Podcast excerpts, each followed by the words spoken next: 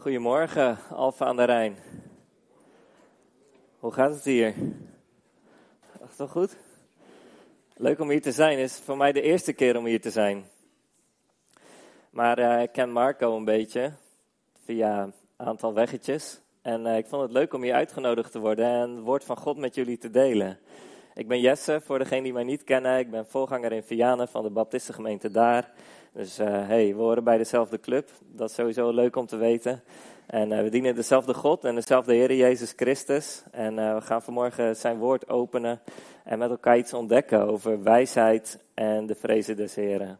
En het zegt in Psalm 111, tiende vers, het beginsel van wijsheid is de vrezen des Heren. En dus er zijn allerlei manieren om aan wijsheid te komen. Je kan boeken lezen, je kan mensen raadplegen. Maar als het niet daar begint, in dat heilige ontzag voor God, dan zijn het menselijke filosofieën, mooie gedachten. Maar de Bijbel zegt, echte wijsheid begint daar, bij ontzag voor God, bij de vrezen des Heren. Net als um, daar staan mooie bloemen. Mooie bloemen zijn mogelijk, dat is de wijsheid. De Bijbel zegt over wijsheid ook bijvoorbeeld dat het veelkleurig is. Veelkleurige wijsheid, maar begint onderaan bij één stengel of meerdere stengels. Dat is dun en smal, dat is de vrezen des Heren, dat is het enige begin. Hetzelfde principe wat Jezus zegt als hij uitlegt over de weg die hij moet gaan en ook die zijn leerlingen moet gaan. Hij zegt de weg naar het koninkrijk, wat zegt hij daarover? De weg is smal, de weg is smal daarheen. Het is een smalle weg. Je kan er op allerlei manieren van afwijken. Je kan er op één manier op blijven. Het is ontzag voor God. Maar als je die weg gaat, kom je in het koninkrijk. Het koninkrijk is groot, is om ons heen. Maar er is één weg. Er is één deur naar God, dat is Jezus Christus. Er zijn geen andere wegen, er zijn geen andere deuren. Maar als je er komt, hé, hey, dan is er wijsheid. Dan is daar het koninkrijk. Dan is het groot. Dan is het kleurrijk. En is die wijsheid waar we het over hebben. En deze quotes heb ik ook niet allemaal zelf bedacht. Die zijn van uh, de meest wijze persoon die ooit geleefd heeft. En uh, zijn naam is Salomo. En uh, hij heeft heel veel geschreven over wijsheid. En op een dag toen um, hij zelf aan God grote offers had gebracht. Misschien tot op die dag een groter offer dan wie dan ook had gebracht. En dan zegt het dat hij duizend runderen aan God had geofferd. En dat, dat duurt ook gewoon heel lang, maar is ook heel kostbaar. Uh, dat waren jaarsalarissen, wat Salomo aan het offeren was aan God. En dan zegt het, en die nacht werd Salomo bezocht door God. En God vroeg hem, en Salomo, je mag iets uitkiezen. Blanco check. Wat zou je willen? En dus hij had alles kunnen kiezen. Hij had kunnen zeggen, laat mijn koninkrijk groter worden. Laat mijn aanzien toenemen in de wereld. Uh, hij zei, Heer, geef mij wijsheid. Want hij wist, Wijsheid is het begin, als ik dat van God mag krijgen, hé, hey, al die andere dingen kan ik erbij ontvangen. Maar ik zoek eerst dat ene. Ik zoek het koninkrijk, ik zoek de wijsheid. Ook daar, echo van Jezus, hè? Zoek eerst mijn koninkrijk en al die andere dingen. Die zijn niet onbelangrijk, maar die volgen. Eerst zoeken, Gods koninkrijk. Eerst zoeken voor Salomo, wijsheid. En dan zegt het, al die andere dingen die hij had kunnen vragen, kreeg hij erbij. Maar een vrucht van God zoeken in wijsheid. Dus hij kreeg meer, maar hij begon bij wijsheid. Dus dat was een goede keuze van Salomo om daarvoor te gaan, want toen had hij het allebei. En als hij gelijk voor die andere dingen was gegaan, dan is maar de vraag of hij ook wijsheid had gekregen. Dus dat is het voorbeeld wat, uh, wat Salomo ons heeft nagelaten. Zullen we uit de spreuken de eerste zeven versen lezen?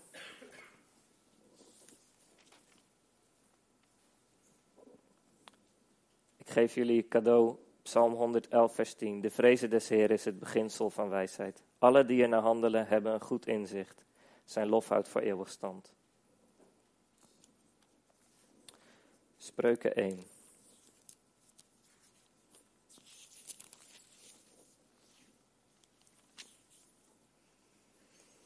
De spreuken van Salomo, de zoon van David, de koning van Israël.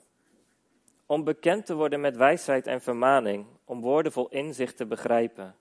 Om vermaning die inzicht biedt aan te nemen, gerechtigheid, recht en billijkheid. Om aan onverstandige schranderheid te geven, aan een jonge man kennis en bedachtzaamheid. Wie wijs is, zal horen en inzicht vermeerderen. En wie verstandig is, zal wijze raad verwerven. om een spreuk en een spreekwoord te begrijpen, woorden van wijzen en hun raadsels. De vrezen des Heer is het beginsel van de kennis. Dwazen verachten wijsheid en vermaning. Tot zover. Dus vrezen des Heren, begin van wijsheid in de psalmen hier. Vrezen des Heren, begin van kennis.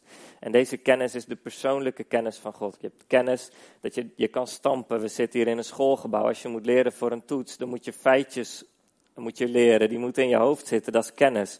Maar deze kennis waar het hier om spreekt, is een ervaringskennis. Als ik zeg, Marco, ik ken jou, uh, dan gaat het om dat wij elkaar een aantal keer hebben ontmoet. Niet dat ik feitjes over jou weet, van hoe lang je bent en wat de uh, kleur is van je haar en dat soort dingen. Dat is ook kennis, dat, zijn, dat is feitenkennis. Maar als je zegt, ik ken iemand, dan bedoel je, hé, hey, ik ken iemand persoonlijk, ik heb hem een paar keer gesproken, ik weet een beetje hoe die is. Nou ja, zo ken je een aantal mensen. Dat is de kennis waar het hier om gaat, die persoonlijke kennis. En um, zeggen wel eens voor de grap is zo'n zo'n Engels gezegde van... Um, wat is het verschil tussen kennis en wijsheid? Uh, kennis is dat je weet dat uh, tomaat een fruitsoort is. En wijsheid is om het niet in een fruitsalade te gooien. Zo, dat is het verschil tussen kennis en wijsheid. Je weet het, maar wijsheid is, is dat andere. Wijsheid is toegepaste kennis, uit levenservaring opgebouwd samen met God. is veel meer dan alleen kennis. Dus het is, uh, kennis is wel nodig. Kennis is niet onbelangrijk, mensen. Maar wijsheid is toegepaste kennis en het is veel, veel relationeler dan gewoon puur in je hoofd stampen. Het gaat echt om het hart ook. Wat wordt geraakt door God en daar ontstaat wijsheid van binnen. En je kan het zoeken bij God in gebed, je kan het zoeken bij je broers en zussen. Daar ontstaat wijsheid. En het is, is niet alleen maar, hey, ik ga het boek lezen en stampen, stampen. Nee, je, je, leest het natuurlijk, maar je brengt het in gebed bij God. En je kijkt van, hey, hoe verhoudt zich dit tot mijn leven? Nou, dat is wat ik heb gedaan toen ik uh, tiener was en uh, tot geloof in Jezus Christus kwam door een vriend van mij. En um, had me meegenomen naar een conferentie. Ik had daar bijzondere ervaring gehad met God. Um, aangezien het mijn eerste keer is hier, kan ik eigenlijk dat getuigenis wel met jullie delen. Dan raak je niet vermoeid dat ik iedere keer hetzelfde verhaal vertel. Maar de tweede keer moeten jullie me herinneren. Yes, je hebt je getuigenis al verteld van die ene keer, want dan hoef je dat niet nog een keer te horen. Maar oké, het uh, kan bemoedigend zijn. Dus um, ik had een uh, vriend op de middelbare school. En hij vond het net als ik leuk om te voetballen. En dus uh, we voetbalden veel. En toen op een dag zei hij van, yes, ik ga deze zomer ook uh, naar een kamp toe en daar kun je ook voetballen. Maar ze hebben ook kerkdiensten en zo. Dus vind je dat leuk om mee te gaan? En um, ik vond het voetbalgedeelte wel leuk, maar de kerkdiensten had ik iets minder zin in op die leeftijd. En, um, maar hij had daar wel zin in. En um, deze jonge man had op mij veel indruk gemaakt, omdat ik uh, soms uit school met hem mee naar huis mocht. En dan bij, als ik bij hen in huis kwam, was er hele grote vrede in huis. En dat was voelbaar, hoe die mensen met elkaar omgingen. En dus ik uh, raakte heel nieuwsgierig daarnaar. Wat hebben de mensen met elkaar waardoor ik dit gevoel krijg als ik in dit gezin kom? En dus ik ontdekte van hun omgang met elkaar, hoe ze dat deden. En hij vertelde me over Jezus, dat hij zelf ook gelooft in Jezus. Hoe hem dat vrede geeft en hoe ze daardoor met elkaar omgaan, elkaar vergeven en zo. Dus ik raakte geïnteresseerd en ik dacht, ik moet wel met die jongen meegaan. Maar wat ik ga proberen te doen is, ik ga daarheen en ik kijk hoe ik een aantal diensten kan skippen. En meer tijd kan doorbrengen met voetballen. En dus op een gegeven moment kwam wel het moment daar dat ik toch ook uh, vanuit de vriendschap ook een keer mee moest. En dus uh, was een avonddienst. En dus de spreker uh, van die avond was eigenlijk in de zomer, maar het regende keihard in de zomer en, en de lucht was heel donker. En uh, we hadden van die conferentietenten en uh, van ijzer gemaakt. Dus degene die sprak kon zichzelf niet eens verstaanbaar maken. Zo hard regende het op die tent. kwam een oproep. Oké, we gaan nu met z'n allen bidden tot Jezus. En als we met z'n allen gaan bidden, dan laat hij het stoppen met regenen. Dat is een geloofsuitspraak hè, van diegene. Nou, uh, ik zat achterin en een beetje sceptisch van, we moeten het nog zien en het moet ook een keer stoppen met regenen. Dus wie gaat mij straks vertellen dat het geen toeval is? Nou, we begonnen te bidden, maar ik ging wel meedoen, want ik, ik zag dat gebeuren. En we waren met jonge mensen, hè, uh, 15, 16, 17 jaar oud mensen stonden met de handen in de lucht God aanbidden. Dat was heel indrukwekkend voor mij. En ik stond zo van, oké, ik, ik, zou het ook wel willen, maar ik durfde nog niet. En ik, ik, wilde wel een beetje meedoen. En toen inderdaad, na vijf minuten werd het minder. Na tien minuten was het opgehouden. Ik dacht, het is wel bijzonder. Want ik had gezien hoe het eruit zag toen ik die tent binnenliep. Toen was het dus helemaal donker. Maar het was nog niet de tijd van de avond dat het donker zou worden. Het was echt de wolken die daar overheen hingen. Wat is er nu gebeurd? Zijn al die wolken nu weg? Eh, die gedachten gingen door mijn hoofd heen. Van, ik moet dat checken. Dus uh, ik liep uh, door de achterdeur uh, die tent uit. En ik dacht, ik zal eens kijken. En van links tot rechts, overal waar ik keek op het terrein, regende het nog steeds even hard als daarvoor. Alleen ik keek in de lucht en er was één lichtpunt boven onze tent. En daar regende het niet. Hmm. Oké. Wat ga je doen, Jes? Want hé, hey, die mensen hebben gebeden tot Jezus en tot God en dit is gebeurd. Dus doordat dat gebeurd was, een wonder, moest ik mij daartoe verhouden van wat ga ik doen? Kijk, als ik nu niet geloof, door welk teken ga ik wel tot geloof komen? Maar als ik nu wel geloof, dan vraagt het ook iets van me. Want die vriend van mij, die deed bepaalde dingen wel door zijn geloof en andere dingen niet. En ik had bij mezelf bedacht, misschien kan ik gaan geloven als ik 25 ben. Dan kan ik nu nog lol trappen en dan kan ik dan God dienen. Als het wat rustiger wordt in mijn leven. Ik kan er zelf ook nog steeds om lachen, maar eigenlijk had, ik, er ook een leugen in mijn, was in mijn denken gekomen. En de leugen is dit, dat het leven met God niet lollig is. Want dat is wat de duivel jonge mensen wil vertellen. Dat als je met God leeft, dat je leven saaier wordt. Dat je sommige dingen niet meer mag doen. En het tegengestelde is waar. De duivel liegt. Als je met God leeft, wordt je leven beter, leuker en mooier als je naar Hem luistert. Dat kun je ook allemaal teruglezen in de Bijbel. En het is echt waar. Ik heb toen de keuze gemaakt van, Heer Jezus, ik ga u dienen en u mag ook met mijn leven uh, doen wat u wilt. Ik, ik wil u dienen als u zegt van, uh, ga daarom in de kerk werken, zal ik dat ook doen.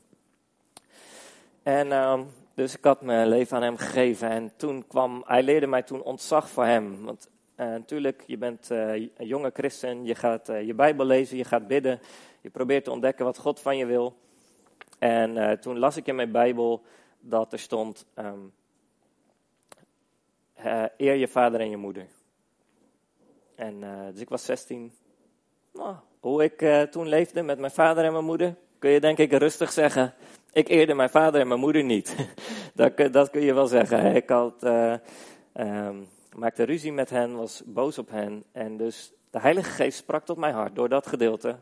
Jesse, je hebt je leven aan mij gegeven. Daarbij hoort dat je alles doet wat erin staat. Ook eer je vader en je moeder. Heer, ik geloof het, maar dit gaat een stap te ver.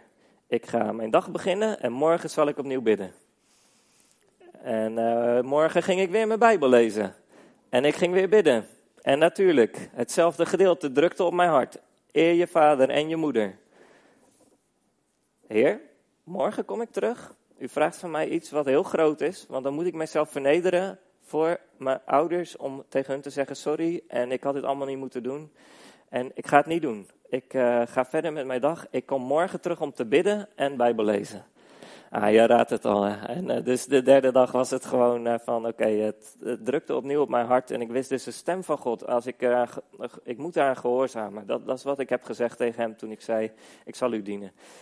Dus toen ben ik uh, naar mijn vader gegaan, heb ik gezegd van sorry pa voor uh, wat ik heb gedaan, hoe ik me naar jou heb gedragen. En ik wil nu leven zoals God het wil en ik zal eh, jou ook eren. En hebben we elkaar omhelst. Was een heel krachtig moment. En toen heeft hij ook gezegd van ja Jesse, ik heb in de opvoeding ook niet alles goed gedaan. En ik wil jou ook vergeving vragen voor dingen die ik fout heb gedaan in de opvoeding. Dus we omhelsten elkaar. En geloof het of niet, voor mij voelde het gewoon alsof ik God de Vader omhelsde was bovennatuurlijke liefde wat mijn leven inkwam op dat moment. Want de Bijbel zegt ook over Jezus in Malachi, hij zal komen om de harten van vader aan kinderen te verbinden en de harten van kinderen aan vaderen. En dat was wat op dat moment, dat was een van de eerste dingen die de Heilige Geest in mijn leven bewerkte. Omdat ik uit de vrezen des Heren wilde ik het hele woord van God gehoorzamen. En dit stond erin, dus dit moest ik gaan doen. Ik was hardnekkig, dus het kostte God een paar keer om mij te bereiken hiermee. Maar ik heb het gedaan. En wat ik toen heb gedaan, daarom zeg ik, leven met God. De duivel wil je zeggen dat het niet goed is? Het is goed, want mijn leven van die dag is beter dan het daarvoor was. Het is beter om in vrede te leven met je ouders dan niet in vrede te leven met je ouders. Wat, wat wou je gaan doen? Wat jou gelukkiger maakt dan wat God in zijn woord leert? Vertel het mij. Dit is goed wat hier staat. Dit is wat God voor je bedoeld heeft. Ontzag voor God is goed voor jezelf. Dat is een hele belangrijke les om te leren. Daarom zegt het bijvoorbeeld ook in Romeinen 2, vers 4: Het is de goedheid van God die tot bekering leidt. Als je onder de indruk raakt van wie God is, van zijn schoonheid en zijn goedheid, dan wil je je naar hem bekeren. Ik heb een uh, zoontje. Als ik hem vraag om iets anders te doen dan wat hij nu doet, natuurlijk doe ik dat omdat dat het beste voor hem is. Ik laat hem niet naar de open haard lopen en zijn handjes er tegenaan drukken. Nee, ik word boos op hem. Snapt hij het niet altijd? Nou, snapt het niet altijd, maar het is goed voor hem. Hoeveel te meer weet onze hemelse vader niet wat goed is voor ons? Laten we gewoon besluiten dat we naar hem luisteren, ook als we het nog niet helemaal begrijpen. Als het in dit woord zegt dat we iets moeten doen, laten we het gewoon doen. Hij zal het je duidelijk maken in gebed. En door de dingen die je meemaakt in je leven hij je duidelijk maken wat hij van je vraagt. Ik zeg je, gehoorzaam hem. De vrezen des Heer is het begin van wijsheid. Je wil leven in wijsheid? Oké, begin ontzag te hebben. Heilig ontzag voor God. En dus dat betekent een paar dingen laten, andere dingen wel doen. Maar ik zeg je, het is goed voor jezelf. Je kunt het teruglezen in Deuteronomium 6, vers 30, Deuteronomium 30, vers 11. Gedeeltes in de wet, waar het ook zegt, uh, bijvoorbeeld zegt Mozes van, onderhoud al deze geboden u ten goede. Dus ja, hey, er zijn een paar dingen die God van je vraagt, maar uiteindelijk, het is beter voor jezelf. Dat is een liefdevolle vader, die spreekt tot ons, omdat hij het beste voor ons wil. Dus laten we ontzag hebben voor God.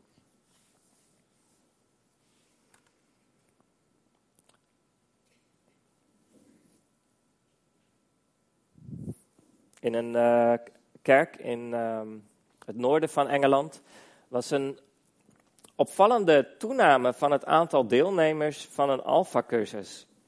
Er werd onderzoek naar gedaan van uh, waarom heeft die kerk nou zoveel uh, deelnemers daaraan. En ook uh, veel jongeren die mee wilden doen aan het onderwijs. Um, en het was een, volgens mij een, een katholieke parochie. En dus ze onderzochten deze priester en ze vroegen hem van... Waarom gaat dat in jouw kerk, waarom loopt dat zo goed? En wat bleek nou?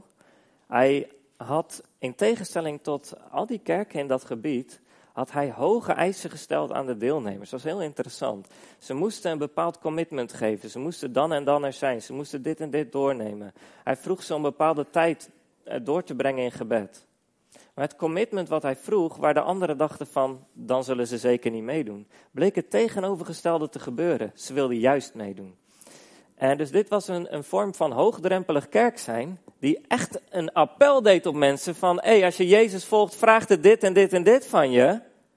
Maar het maakte mensen eigenlijk enthousiast, met name jongeren, om juist daaraan mee te doen. En deze denkwijze gaat soms in tegen wat wij willen doen. Dat we denken van, als we de drempels laag genoeg maken en niet te veel vertellen van uh, dat Jezus ook heeft gezegd dat je je kruis op je moet nemen en alles achter je moet laten, misschien stromen mensen dan onze kerk in. Nou luister, iedereen is welkom in de kerk? Hoe je ook, waar je ook vandaan komt, uh, of je de grootste zondaar bent, kom alsjeblieft in de kerk. Die drempel is weggenomen door Jezus Christus. Amen. Kom op, welkom in de kerk, welkom bij de Vader. Je kan het zo gek niet gedaan hebben, of het bloed van Jezus Christus kan jouw zonde wegnemen. Dat is de waarheid. Nou, in het volgen van Jezus kunnen we vervolgens gewoon aangeven wat hier staat. Dat Jezus bepaalde dingen zegt, doe dit, doe dat, hou vast in het gebed met z'n allen. Jezus vertelt gelijkenissen met het oog hierop, dat we waakzaam blijven en voortdurend bidden. Zo zijn er andere gelijkenissen. Laten we elkaar als gelovigen scherp houden en in dat opzicht niet de drempels verlagen. Ook dat heeft te maken met de vrezen des Heren. Dat je een oprecht verlangen hebt om heel Gods woord te doen. En elkaar daarin aansporen van, hé, hey, kom op. Je hebt een broeder of zuster op kring, je ziet iets in zijn of haar leven en daar heb jij je vragen bij vanuit de Bijbel. Ga in gesprek met diegene. Zeg, zeg dat je hart bij die ander ligt. Dat je het goede wil voor diegene. Wees zachtmoedig. Maar vertel het gewoon. Bid voor die ander. Heb het er samen over. Hou elkaar scherp op de weg van Jezus. Amen. Dat is belangrijk voor gelovigen om elkaar scherp te houden. En dat heeft te maken met het heilige ontzag voor God. Vrezen des Heren. Over vrezen des Heren heeft Jezus ook gezegd: Vrees niet hem die alleen het lichaam kan doden wat is als je niet in God zou geloven, je grootste angst op deze wereld? Dat iemand je leven zou ontnemen. Dat is het ergste wat kan gebeuren. Daarom zegt bijvoorbeeld de brief aan Petrus ook: Als jullie tot geloof zijn gekomen, zijn jullie bevrijd van je levenslange angst voor de dood. Daarom zegt Jezus: Vrees niet hem die het lichaam kan doden. Wat is het ergste wat kan gebeuren, is dat je lichaam weggenomen wordt. En wat zegt apostel Paulus daarover? Voor mij is om te leven is dienen. Maar sterven is voor mij een groot gewin. blijf bij jullie om nog te dienen, maar als het aan mij lag, hé, hey, neem me mee. Het is beter daar dan hier. Ik wil wel door die poort heen gaan, maar ik blijf nog hier omdat ik bediening heb, zegt hij. Vrees niet hem die alleen het lichaam kan doden. Wij de gelovigen zouden daarom die onbevreesde mensen kunnen zijn, die niet bang zijn. Zelfs als iemand jou zou willen doden, jouw lichaam zou willen wegnemen, bijvoorbeeld omwille van je geloof. Verheug je wanneer je allerlei beproevingen ondergaat. Maar Jezus maakt die zin ook af. Hij zegt, vrees niet hem die alleen het lichaam kan. Hij zegt, vrees hem die lichaam en ziel in de Gehenna kan werpen. Hij heeft het over de Allerhoogste God. Het is een uitspraak van onze Heer, Jezus Christus. En hij zegt, vrees hem die het lichaam en de ziel in Gehenna kan werpen. Dat is de vrees voor God. Is niet ouderwets, is ook niet oud-testamentisch. Is gewoon wat Jezus daarover zegt. De vrezen des Heren gingen rond in de vroege kerk in handelingen. Herinner je dat verhaal dat ze geld aan het inzamelen waren? Mensen legden het aan de voeten van de apostelen, geleid door de Heilige Geest. Ik heb de neiging om hierover te gaan uitweiden. Maar... Zo wat interessant is, is dat in Handelingen 8 zie je dat de kerk vervolgd wordt en verstrooid wordt. Een paar hoofdstukken daarvoor, door de leiding van de Heilige Geest, hadden mensen hun bezit verkocht. Al hun vermogen was liquide, ze konden het allemaal meenemen toen ze verstrooid werden. Mensen verkochten huizen, akkers, bezittingen, geleid door de Heilige Geest. En dan staat het ook over één specifieke man. Hij verkocht zijn akker, hij bracht het geld aan de voeten van de apostelen. En dan even later, Ananias en Sapphira. Zij hebben ook een bezit verkocht. En ze zeggen, we zullen de helft daarvan geven. En dan zeggen we dat we het helemaal hebben gegeven. Dan staat Petrus aan de deur. Kennen we het verhaal? En aan het eind zegt het, en de vrezen des Heren ging door het hele gebied. In datzelfde hoofdstuk zegt het, en de apostelen verzamelden zich in de zuilengang van Salomo. En geen van de anderen durfde zich bij hen te voegen. Dat is hoogdrempelig kerk zijn. Ik weet niet hoe het met jullie zit. Ze hebben een oudste vergadering en ik ga er niet bij zitten. Heb jij gehoord wat net is gebeurd toen Petrus naar het huis toe ging en die mensen hadden gelogen tegen God? Zo liep dat af, ja, zo liep dat af. Dat is de vrezen des Heren die door de vroege kerk heen ging.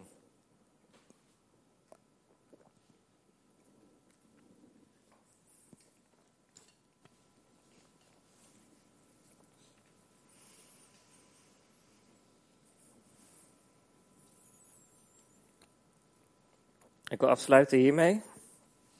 Um, aansluitend op de oproep die Carline deed om uh, te bidden. Gebed en uh, ontzag voor God hangen met elkaar samen.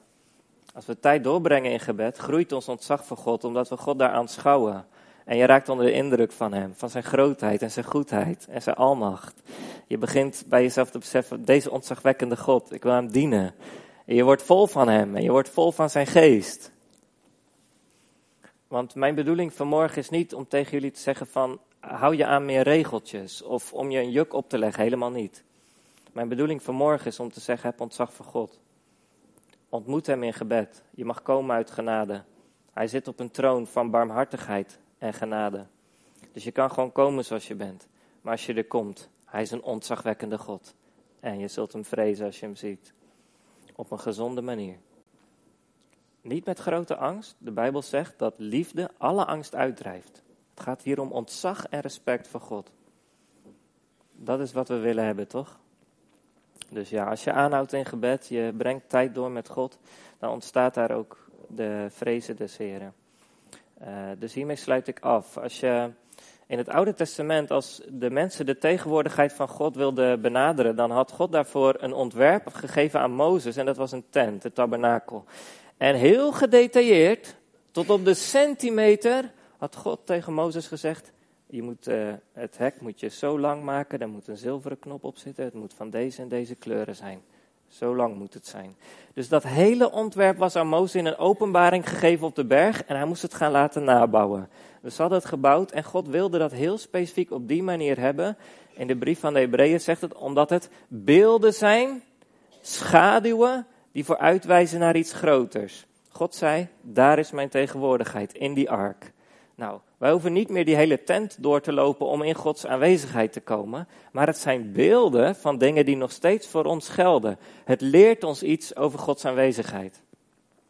Dus als ik het heb over gebed, wat leidt tot ontzag voor God, heb ik het ook hierover, het toenaderen tot Gods aanwezigheid.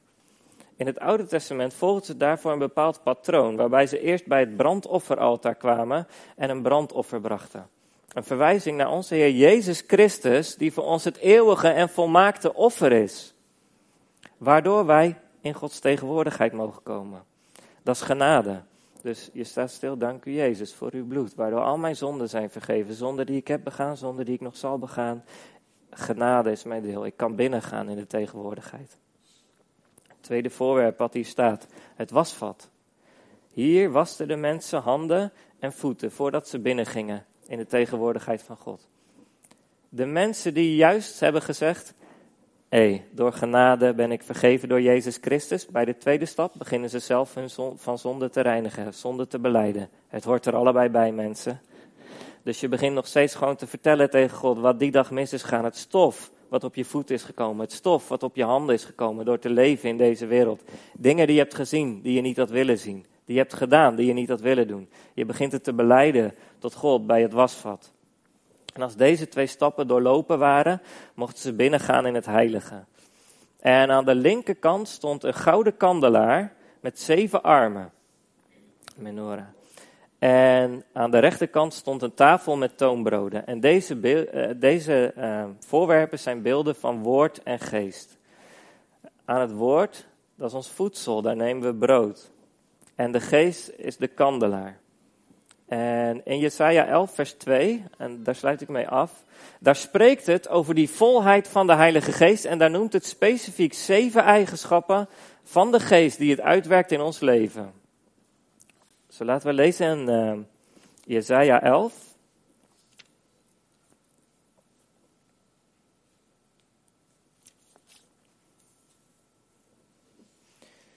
Ik zal vanaf vers 1 lezen. Er zal een twijgje opgroeien uit de afgehouwen stronk van Isi en een lood uit zijn wortels zal vrucht voortbrengen. En het spreekt hier over Jezus Christus, profetisch.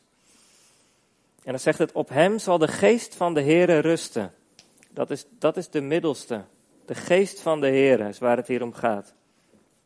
Daar staat er, een geest van wijsheid en van inzicht. Een geest van raad en sterkte. Een geest van kennis en de vrezen des Heren. En die geest zal op hem rusten, op Jezus. Dus deze geest rustte op Jezus. En inderdaad, toen Jezus zijn bediening begon, zei hij: De geest van de Heer rust op mij. En die geest is de geest van de Heer, van wijsheid, waar we het vanmorgen over hebben, en begrip, raad en sterkte, kennis en vrezen des Heren. Je wil heilig ontzag van God leren? Kijk naar Jezus. De geest van de vrezen des Heren rust op hem. Zullen we bidden?